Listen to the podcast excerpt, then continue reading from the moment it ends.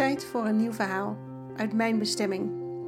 Een innerlijke pelgrimstocht naar Santiago de Compostela. Na halverwege is dit het tweede boek wat ik uit heb gebracht met al mijn avonturen op de Camino, noorden van Spanje. En ik hoop dat jullie weer net zo lekker met me mee kunnen lopen bij deze verhalen. Ga je mee?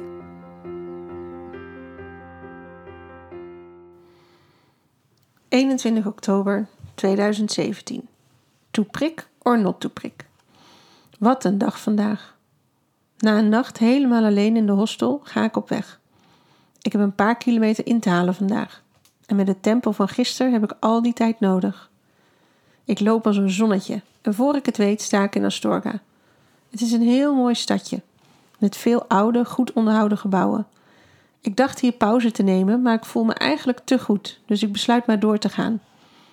Aan het einde van het stadje rust ik even drie minuten. Neem wat water en ik ga dan door naar het volgende dorp. Onderweg kom ik een schattig klein kapelletje tegen, wat door een man keurig wordt bijgehouden. Hij nodigt me uit om naar binnen te komen. Het is er fijn, tranquille. Ik bedank hem en ga weer verder. Een klein uur later is het tijd voor thee, dus ik duik de eerste bar in die ik tegenkom.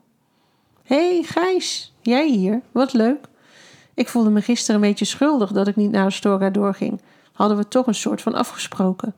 Maar met die voeten van mij was het echt niet meer te doen. Dus extra leuk dat ik hem nu toch weer tegenkom. En ik geniet weer van zijn geklets. Hij heeft allemaal leuke feitjes te vertellen. Heel grappig. Dingen waar ik helemaal niet aan denk. En die kunnen hem heel erg bezighouden. En er zit enthousiasme in zijn verhaal, dus ik luister graag. Als we even later weer op pad gaan, merk ik dat, dat ik met mijn nieuwe tempo Gijs niet meer bij kan houden. Dus ik zeg hem weer gedag en tot ziens. Hij loopt een poosje voor me in de mist. Mooi gezegd. Na nog een uurtje lopen besluit ik een vroege lunch te nemen. Het is twaalf uur en ik heb er inmiddels ruim 13 kilometer op zitten. Ik ben ruim over de helft voor vandaag. En het gaat hartstikke goed. Dus ik gun mezelf weer pauze om dit vast te houden. Schoenen uitdoen en weer aan, dat is weliswaar pijnlijk. Het lijkt of deze nieuwe blaar aan de zijkant nog grotere proporties aanneemt dan zijn broertje onder mijn voet. Inmiddels is de zon goed doorgekomen en er ontvouwt zich een prachtig landschap. Het is heel fijn om hier doorheen te lopen. En hoewel het langs de weg is, is er geen auto te bekennen. Dus loop ik toch in the middle of nowhere voor mijn gevoel. Zo moet het zijn. In de verte zie ik de bergen waar we morgen op terecht gaan komen en vandaag al een start maken. Ik loop lekker zo alleen. Ik loop helemaal mijn eigen tempo, waarvan ik geen idee heb hoe snel of hoe langzaam dat is. Ik blijf rekenen met die 4 km per uur, maar ik denk eigenlijk dat ik daar iets onder zit. Voordeel is wel dat ik stukken minder pauzes nodig heb, dus netto kom ik even snel aan. In een slaapstadje is dit het enige, maar zeer welkome teken van leven. En wie trek ik daar, tref ik daar op het terras? Gijs. Haha. Ik ben blij dat we tijdens onze pauzes toch wat tijd samen kunnen doorbrengen. En hij begint meteen weer met kletsen. Dit keer heeft hij zich verwonderd over het aantal alberges in Saria. Dat is het 100 kilometer punt, wat telt als de minimale afstand om je Compostela te mogen halen in Santiago. De pelgrims noemen het de toeristenroute, want blijkbaar willen heel veel mensen wel het papiertje krijgen, maar niet de effort leveren die er eigenlijk bij hoort. Ja, je leest het goed. Daar zit ook bij mij nog een oordeel op.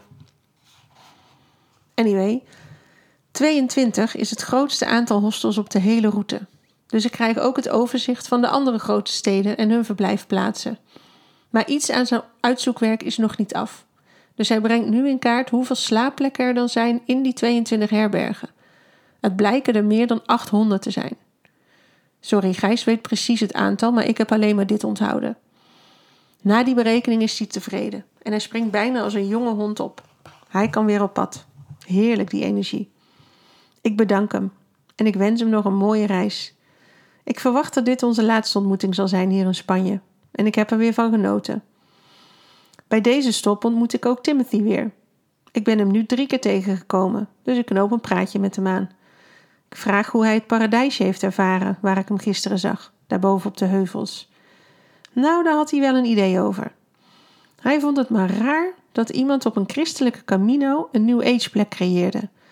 Hij vond dat David dat niet zijn christelijke plicht vervulde. Ik opperde nog even dat ik de liefde die David in de plek had gestopt ook wel duidelijk uit vond zenden naar de pelgrims. En ik vind dat behoorlijk Jezus. Maar dat zag ik toch verkeerd. Oké, Timothy, wat jij wil. Het laatste stuk naar de albergen, net als elke dag, is net te ver. Maar het gaat goed.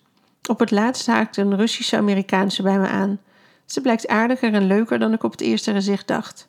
Oei, oei, oei, die oordelen toch. Ik heb mijn zinnen gezet op de Engelse herberg. De herbergen die zijn aangesloten bij verschillende pelgrimsorganisaties door Europa zijn altijd heel fijn. Ze worden liefdevol gerund door vrijwilligers uit het betreffende land. En deze belooft in het boekje een afternoon tea. Dat wil ik meemaken natuurlijk. Zo knus, iedereen aan de thee in de tuin, met zelfs vers gebakken taart erbij. Ik ben heel blij dat ik hier terecht kon. En ik kom weer bekenden tegen en ontmoet nieuwe mensen. Ik kan ook weer naar de pelgrimsmis van de monniken deze keer. Daar kon je ook verblijven, maar dan moest je twee dagen blijven in gehele stilte. Als deze herberg geen plek meer had, zou ik dat gedaan hebben. Een stilte retraite op de Camino. En mijn blaren zouden rust hebben. Oh ja, mijn blaren. Die hebben het hoog in de bol gekregen en zijn onder de compitour uitgegroeid tot megalomane grootte. Iedereen die ze ziet kijkt verschrikt, terwijl de pijn erg meevalt, maar het ziet er niet aantrekkelijk uit. Dan ontmoet ik een Italiaanse dokter, had ik al gezegd, jong en knap, die hem door wil prikken. Volgens hem is dat de enige manier om hem te laten stoppen met groeien. Het liefst wil hij er een touwtje in doen, zodat het vocht er langzaam uit kan lopen. Maar daar ben ik nog niet aan toe. Ik vind de naald in mijn lijf al erg genoeg. Maar hij heeft de zachte handen van een dokter. Dus voor ik het weet zijn ze door. En blijkbaar spuit het eruit, want hij is behoorlijk wat aan het schoonmaken op de vloer. Na een heerlijk etentje met een Duitse man en een Italiaanse vrouw, die in Nederland had gewoond, gaan we met de Amerikanen van de hostel de tuin van de herberg in, met dikke dekens, om de meteorietenregen te kijken vannacht.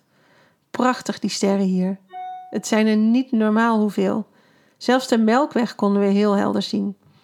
De finale van de meteorieten konden we niet zien, want om tien uur moest het licht natuurlijk uit. Maar we hebben een paar mooie mensen, wensen mogen doen. Wat een cadeautje.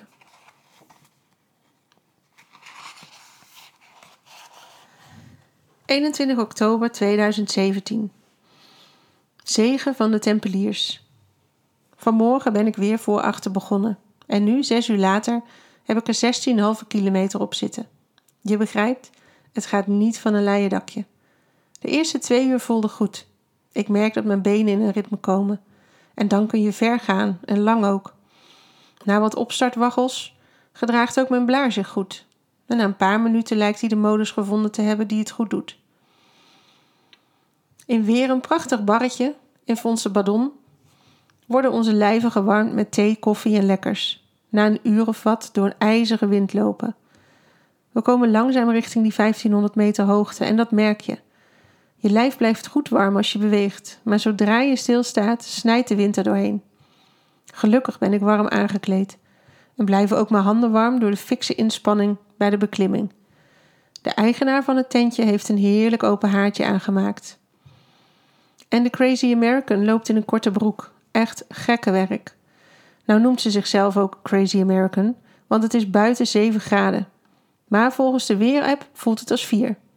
Zelf vind ik dat nog wel aan de hoge kant. Eenmaal opgewarmd gaan we weer op pad. Ik loop een stukje met Nathalie, de Russische uit de USA. Zij woont in New York, dus ik zal haar vragen of ze nog slaapplek heeft voor over twee jaar, volgend jaar, als uh, Norman's marathonplannen doorgaan. Als het zonnetje dan langzaam doorkomt, schiet meteen een paar graden omhoog. Beter. Mijn tempo ligt vandaag wat laag, dus ik laat haar maar alleen verder gaan. Halverwege de Cruz de Ferro heeft ze toch weer een pauze genomen, zodat we samen, ook met dokter Matteo, aankomen bij het kruis. Poeh, dat is wel een momentje hoor. Deze plek is zo bekend op de Camino. Hij is zo doordrenkt met historie en mijn ogen vullen zich met zachte tranen. Ik klim naar boven en sta daar, maar half te beseffen dat ik het tot hier al heb gered. Minder dan 200 kilometer nog naar Santiago. Een trots brandt vanuit mijn tenen naar boven door mijn lijf. Huilend loop ik naar beneden. Het is tijd voor de stenen. Ik heb er best wel wat mee. Twee voor mezelf en nog een aantal voor anderen. Ik gooi eerst die van mezelf op de bult. Zou het echt zo werken? Dat ik met die steen alles wat ik hier los wil laten op deze plek kan achterlaten? Ik besluit het maar te geloven. De tweede steen is voor twee bijzondere vrouwen die ik pas heb ontmoet. Ze zijn nog jong, maar moeten toch al bezig gaan met hun afscheid. De steen is symbool voor een liefdevolle en draaglijke laatste etappe. Daarna een steen van liefde, in de hoop dat die liefde over de hele wereld verspreidt. En dan pak ik de stenen met papiertjes, lees het voor en gooi de stenen op de berg. Dan vraag ik aan Matteo een aansteker om de boodschappen te verbranden en het te laten opnemen in het universum. Het is mooi hier, dit plekje. Matteo neemt een lange pauze, om, zoals hij zelf zegt, met zichzelf in gesprek te gaan en hopelijk zijn laatste sigaret te roken. We spraken daar al eerder over. Hij vond niet dat hij als dokter per se moest stoppen met roken. Ik vond van wel. Als dokter reed je mensenlevens. Je moet beginnen met het leven van jezelf. En ik wens dat het hem gaat lukken. Ik vind in ieder geval de intentie al heel prachtig. En dat op deze plek. Ik ga verder met mijn rugzak een klein stukje lichter. Ik kan niet zeggen dat ik werkelijk voel dat er gewicht uit is. Maar het is fijn om dit punt voorbij te lopen en te beseffen welke intenties er zojuist de wereld in zijn geslingerd. Mooi. Een klein half uur later zou ik in het volgende dorpje aan moeten komen. Maar een dorp kan je het niet echt noemen. Er staan een stuk of vijf vergane huizen, schuren of hutten bij elkaar in een bocht. En toch ziet het plekje er weer bijzonder uit, zodat ik besluit om naar binnen te gaan. Er is net een soort van bijeenkomst bezig in een houten bouwwerkje. Er hangen vlaggen uit de hele wereld en een soort hoofdman heeft een cape aan van de Tempeliers.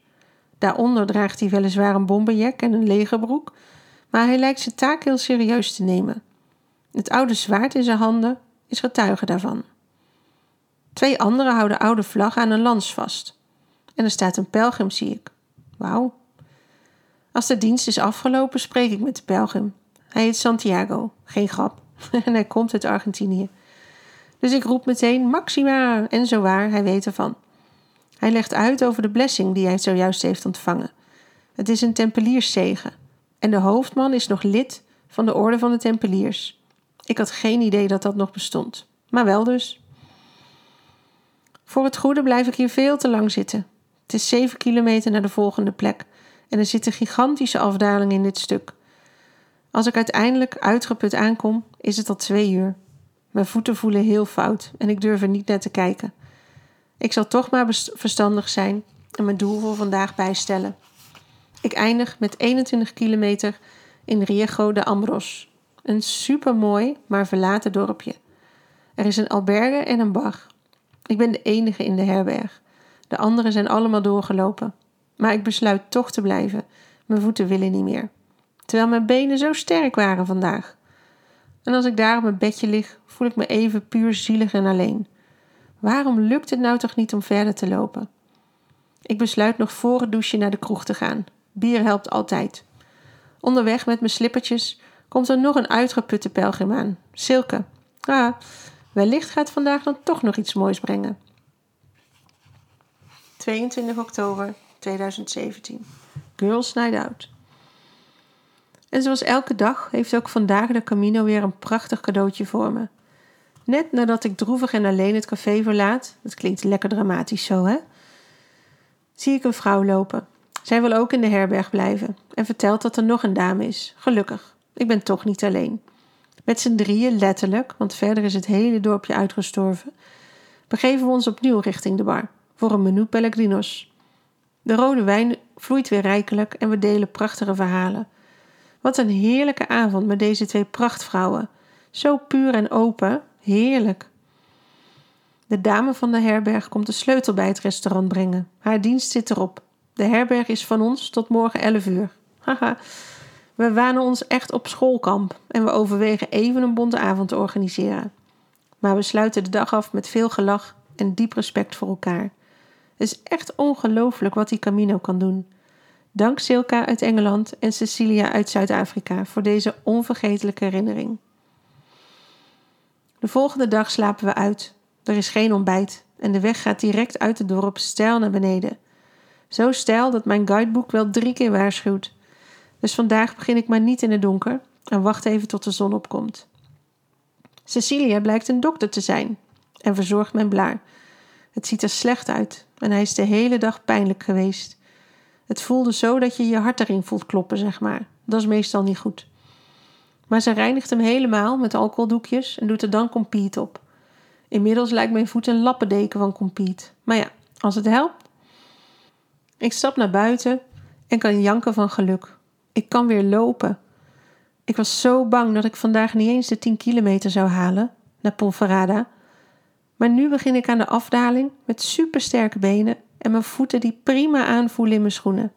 Wat is dit een verschil met gisteren weer? Zou het alleen de compete zijn of is er toch wat anders aan de hand? De reisgids had gelijk, as ever, over steile rotspartijen en ik klim rustig naar beneden. Maar mijn stappen zijn sterk en stevig. Ik voel me vol vertrouwen. En als ik na een uur aan het dalen ben, ben ik in gedachten ineens weer terug bij de Cruise de Ferro van gisteren. Waarom was ik daar toch zo emotioneel? Zo mooi was de plek nou ook weer niet. Ik denk dat het meer de trots was die ik ervoor. Trots op mij, dat ik dit had geflikt, dat ik al zo ver was met mijn reis. Wat heb ik al veel meegemaakt? Bijzondere mensen ontmoet, mooie inzichten gekregen. Maar die trots raakt me dus. Nu weer ook dat ik dit schrijf. En ik begrijp ineens ook waarom ik altijd emotioneel word als ik een prestatie bereik. Een optreden of een diploma of dat soort dingen. Dan zitten de tranen me altijd hoog. Het is die trots die me dan doet voelen dat ik werkelijk, zonder kritiek of wegwuiven, liefde voor mezelf kan voelen. Ik merk ook dat het gaatje waar die liefde doorheen mag best wel klein is. En gisteren bij het kruis is dat gaatje wat groter geworden. Ik coach mezelf een stukje verder op dit thema. En het lijkt of een wazig plaatje nu kraakhelder wordt. Wat zei ik gisteren ook alweer tegen dokter Matteo? Je moet eerst jezelf gezond maken voordat je de anderen kunt helpen. Waren die woorden, maar dan in een andere strekking, misschien gewoon voor mezelf bedoeld? Leer eerst maar eens vol overgave van jezelf te houden. Wanneer je werkelijk vol liefde naar jezelf kan kijken, met alles wat daarbij hoort, pas dan kun je die liefde verspreiden vanuit je hart. Ik ben wie ik ben, niemand meer en niemand minder. Het volgende dorpje, Molina Seca, is weer betoverend mooi en klaar om als decor voor een film te dienen. Ik loop door het dorpje heen en trakteer mezelf bij een luxe hotel op een ontbijtje. Vijf minuten later schuift Cecilia aan. En ook Carla, die, Carlo, die ik gisteren tegenkwam, stopt hier toevallig. Gezellig. Het is een koude ochtend, een beetje zoals wintersport kan zijn. De lucht is stralend blauw, maar het voelt als vrieskou. En toch is het oké in het zonnetje. Maar voor de zekerheid warmen we binnen op. Hun tempo is te hoog voor mij, dus ik neem weer afscheid. Na ruim 12 kilometer door prachtig landschap te hebben gelopen, zit ik nu in een heerlijk koffietentje een verse smoothie naar binnen te werken. Aan de overkant staat een waanzinnig tempelierskasteel. Ik heb besloten het kasteel zo op mijn gemak te gaan bekijken. Normaal doe ik alleen toeristenroutes op mijn eindbestemming, maar aangezien ik hier toch zo even naar het station moet voor mijn kaartje voor morgen, ga ik ook de rest maar even bezichtigen. De rest van de route vandaag is niet zo heel interessant, dus ik geniet even van dit culturele hoogstandje. Jammer genoeg is het kasteel van buiten mooier dan van binnen, op de bibliotheek na dan. Hoewel het openbaar vervoer in Spanje verrassend goed geregeld is, vinden ze het blijkbaar wel logisch om het treinstation en busstation kilometers van elkaar af te maken. Dus ik toog eerst naar het treinstation en wilde stress voor de terugreis reduceren door alvast een kaartje te kopen voor de terugreis morgen naar Lyon. Weten ze ook iets over de bus? Nee, dan moet ik echt eh, de stad door naar de Estazione de Autobuses. Best joh, ik heb vandaag toch nog wel wat kilometers te maken. Onderweg krijg ik een idee. Het is al best laat en mijn voeten doen het goed, maar ik wil ook niet overdrijven. Juist nu ze zo goed gaan, wil ik het niet tot het uiterste gaan. En 11 kilometer is nog best wel een eindje zo midden op de dag. Dus ik bedacht, omdat ik me niet graag door voorstadjes loop vanwege drukke verkeer en weinig interessante route, om voor 7 kilometer een bus te nemen en de laatste 4 kilometer nog te lopen vandaag. Dan heb ik toch mijn 20 kilometer gehaald, maar ben ik niet overmoedig geweest na de dag van gisteren. En het scheelt me twee uur lopen, zodat ik toch morgen kan afsluiten in Villa Franca zoals gepland. Bij het busstation vraag ik hoe het zit met de bus. Maar die gaat pas om half zes. Dan kom ik nooit meer gins, zouden ze in het Westland zeggen. Dus ik vraag of de bus van half zes dan ook doorrijdt naar het plaatsje daarna. Cacabellos. Ja, dat kan ook, dus ik koop toch maar een kaartje voor 1 euro. En wordt dan door de chauffeur geroepen. Hij gaat die kant op en heeft een kwartier vertraging, dus als ik wil, kan ik mee. Nou, mooi, hoef ik niet op dit troosteloze station te wachten en kom ik toch op tijd op de plaats van bestemming. Maar pas daarna besef ik me, nu ik helemaal niet loop, omdat hij rechtstreeks naar mijn eind toe gaat. Nou ja, ik besluit het cadeautje maar aan te nemen. Mijn voeten zijn dankbaar, dan maar geen 20 kilometer. We rijden naar de lelijke voorstadjes door een prachtig wijngebied. En even wens ik dat ik daar zou lopen. Maar mijn voeten zijn heel blij met het bijtanken in de bus. Dus ik weet ook dat het goed zit. Een kwartier later stap ik uit in Cacabellos. Nog niet gegeten, dus ik neem een late lunch. Pizza.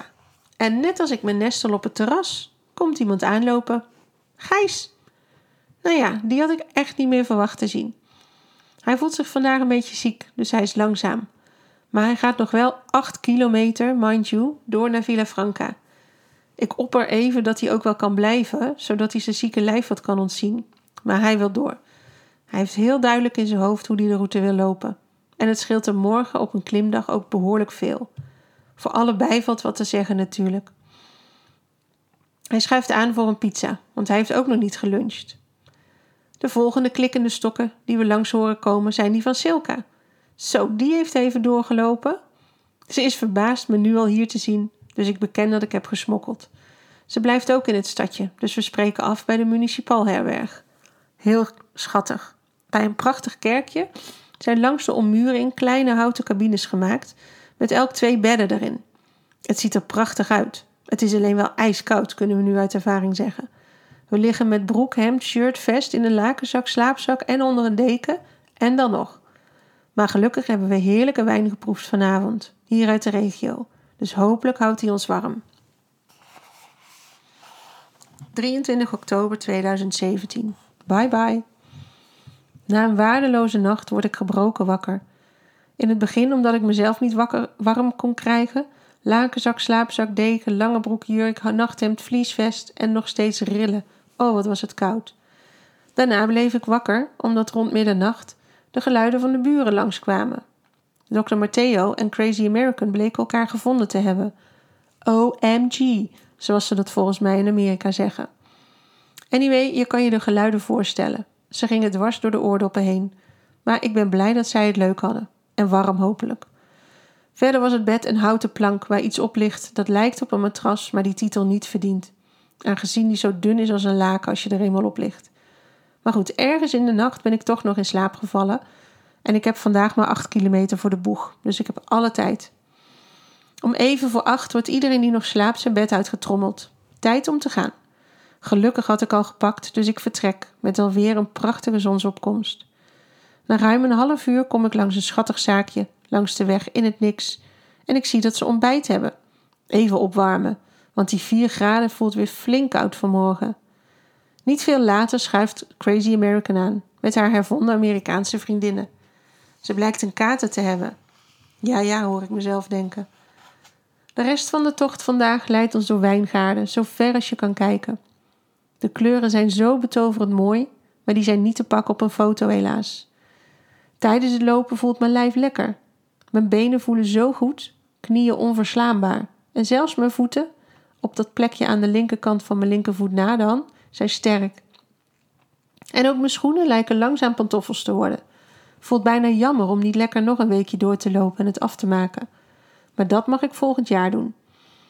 In Villa Franca tref ik de Duitser weer. We drinken nog één keer samen koffie en nemen dan afscheid. Mijn eindpunt is bereikt. Toch wil ik nog even naar het plein hier. En als ik daar naar het terras loop, zitten Cecilia en Nathalie daar.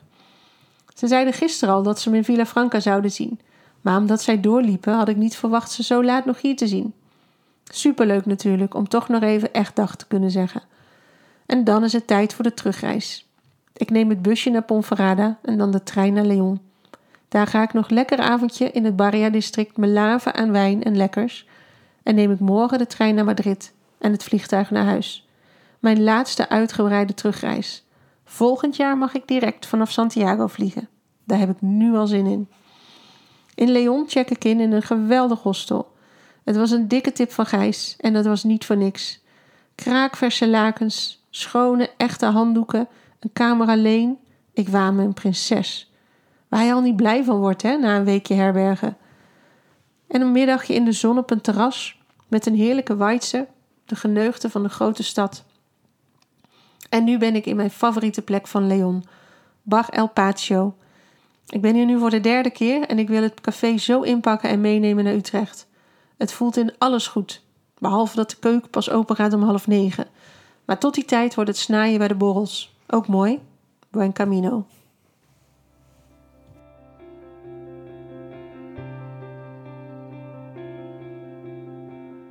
Dat waren de avonturen weer voor deze keer. Mijn bestemming, een innerlijke pelgrimstocht naar Santiago de Compostela. Vind je het leuk om het boek ook te lezen? Dan kun je het bestellen op mijn website biancagroenewegen.nl. Ook halverwege het eerste boek over de Camino is daar nog te bestellen. En wil je meer weten over de Camino, kan je altijd even contact opnemen. Mocht jij ook die droom hebben om dat te gaan doen, doe het. Echt, het is het mooiste cadeau wat je jezelf kan geven. Ik ben zo blij dat ik dit gedaan heb